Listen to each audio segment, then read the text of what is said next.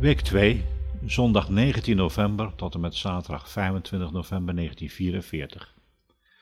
Vorige week eindigde ik met het moment dat we in Meppel arriveerden en weer in een schoolgebouw werden gestopt. Nu staan we aan het begin van het moment dat we naar Duitsland gaan. Zondag vandaag. Hoe onwerkelijk. Op Urk zitten ze nu in de kerk. Zal er voor ons gebeden worden? Vast wel.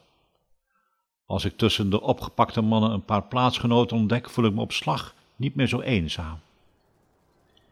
De wc's in het gebouw stromen over. Je kunt wel nagaan hoe het bij ons stinkt. De Duitsers ontdekken dat er een Jood tussen de gevangenen zit. Hij wordt het mikpunt van pesterijen.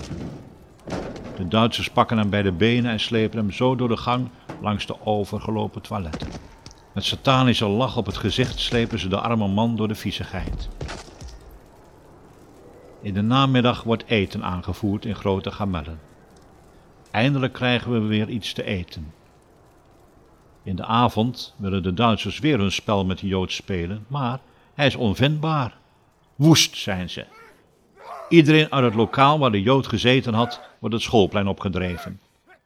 Ze worden ondervraagd door de commandant, een Nederlandse SS'er. Maar iedereen houdt de kaken stijf op elkaar. Bij de commandant staat een soldaat met een mitrailleur. Wit van woede brult de commandant: Vuur! Wij in de school en kijkend uit de ramen houden de adem in. Een oorverdovend salvo volgt. Sommigen vallen op de grond, maar niemand is geraakt.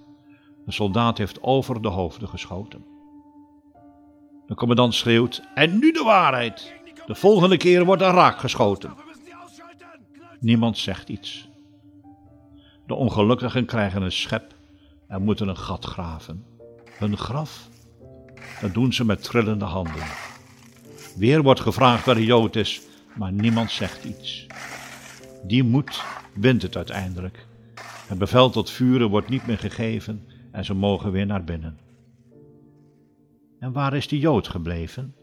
Hij ontsnapte door zich in een leeg etensgamel te verstoppen. De volgende dag, het is avond, krijgen we het bevel tot vertrek. Ik sta met de anderen opgesteld op het schoolplein. Overal om ons heen zijn gewapende Duitsers. We moeten een brallende toespraak aanhoren van de commandant, die vindt dat wij tot de uitverkorenen behoren om in Duitsland een verheven strijd voor te zetten in naam van de Führer. Verder gebeurt er niets. We staan in gelid opgesteld samen met onze schamele bagage. Niemand spreekt een woord. We zijn vervuld met onze eigen gedachten. De meesten hebben de ogen op de grond gericht. We staan erbij als verslagen mensen, wat ook geen wonder is. We gaan naar het gehate Duitsland, dat is nu zeker. Links van mij is de kuil die de mannen gisteravond moesten graven. Gelukkig is het bij een gat graven gebleven en is het geen graf geworden. De avond vordert en we staan op het schoolplein, nog steeds, zwijgend. Het is stil, benauwd stil. De bewakers worden zenuwachtig. Ik zie het aan ze. Van die stilte gaat een bedreiging uit voor de Duitsers. Plots wordt de stilte doorbroken door een schreeuwende mof. Zing, zing een lied! De stilte is voor hem ondraaglijk geworden. Zingen? Hier? Nu? Maar dan, eerst aarzelend, maar dan steeds krachtiger wordt het bekende Lutherlied ingezet. Een vaste burcht is onze God, een toevlucht voor de zijnen. Al drukt het leed, al dreigt het lot, hij doet zijn hulp verschijnen. De vijand rukt steeds aan, met opgestoken vaan. Hij draagt zijn rusting nog van gruwel en bedrog, maar zal als kaf verdwijnen. Ik zing mee met grote ontroering. Ramen en deuren van de huizen om de school gaan open. En als we het volgende couplet inzetten, zingen ook de omwonenden spontaan mee. Het bekende hervormingslied davert door de stille, nachtelijke straat. De neerslachtigheid is verdwenen. We staan nu met opgeheven hoofd, wachtend op de afmars. Niet de moffen met het geweer in de aanslag zijn de overwinnaars, maar wij, ik, wij hebben een sterke held aan onze zijde.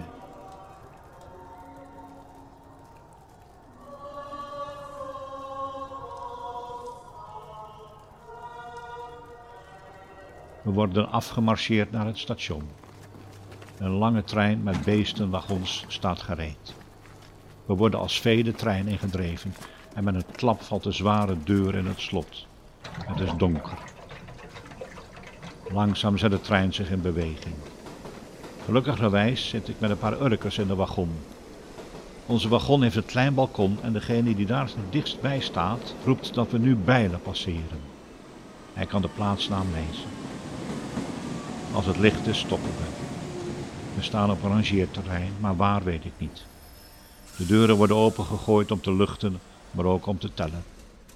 Een pot om je behoeften te doen is er niet. De stank is inmiddels ondraaglijk. De hele dag zitten we daar in de stank en de ondraaglijke warmte van zoveel mensen op elkaar. De trein staat onbewegelijk stil. Overdag rijden vinden de moffen te riskant.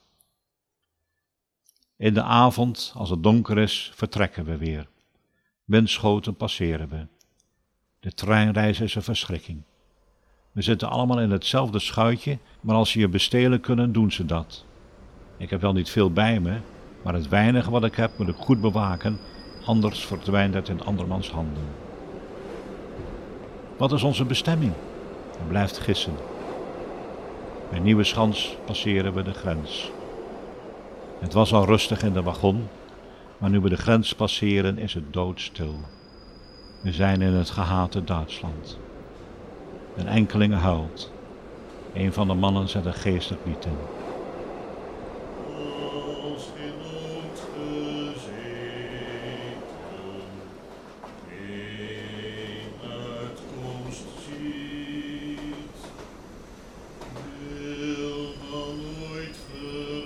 Als geen nood gezeten, geen uitkomst ziet. Wil dan nooit vergeten, God verlaat u niet. Vrees toch geen nood, Heren trouw is groot. En op nachtelijk duister volgt het morgenrood. Schoon stormen woeden, ducht toch geen kwaad. God zal u behoeden, uw toeverlaat.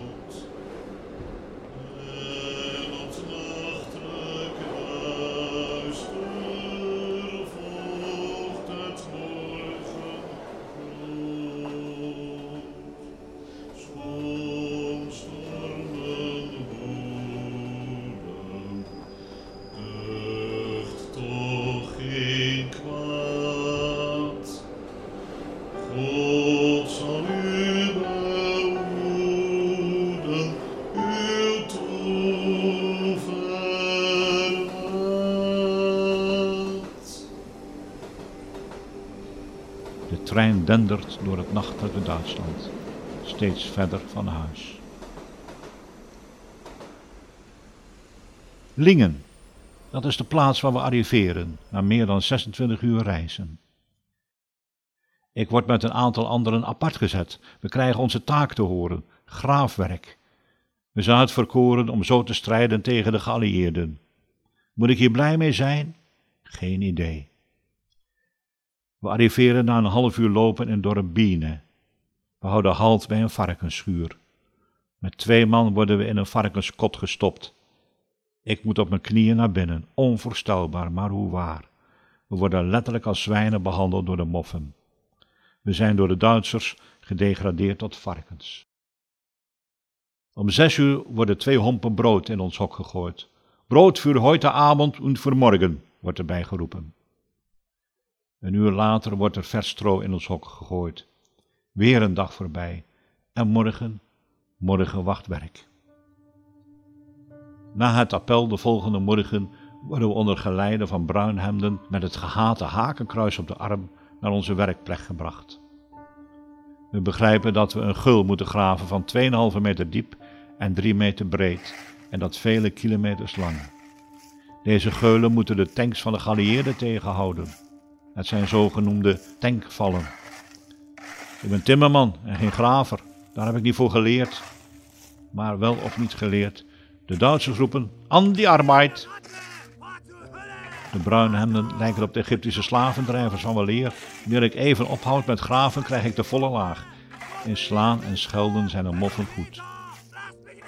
Om twaalf uur arriveert het eten met paard en wagen. Soep, aardappelen-soep. Iemand roept als ze dat soep noemen, en hij trekt zijn neus erbij op. De soep is niet meer dan lauw water met aardappel en misschien een hard stukje wortel erin. Nee, lekker ruikt het niet. Maar als ik niets eet, blijf ik met een lege maag zitten.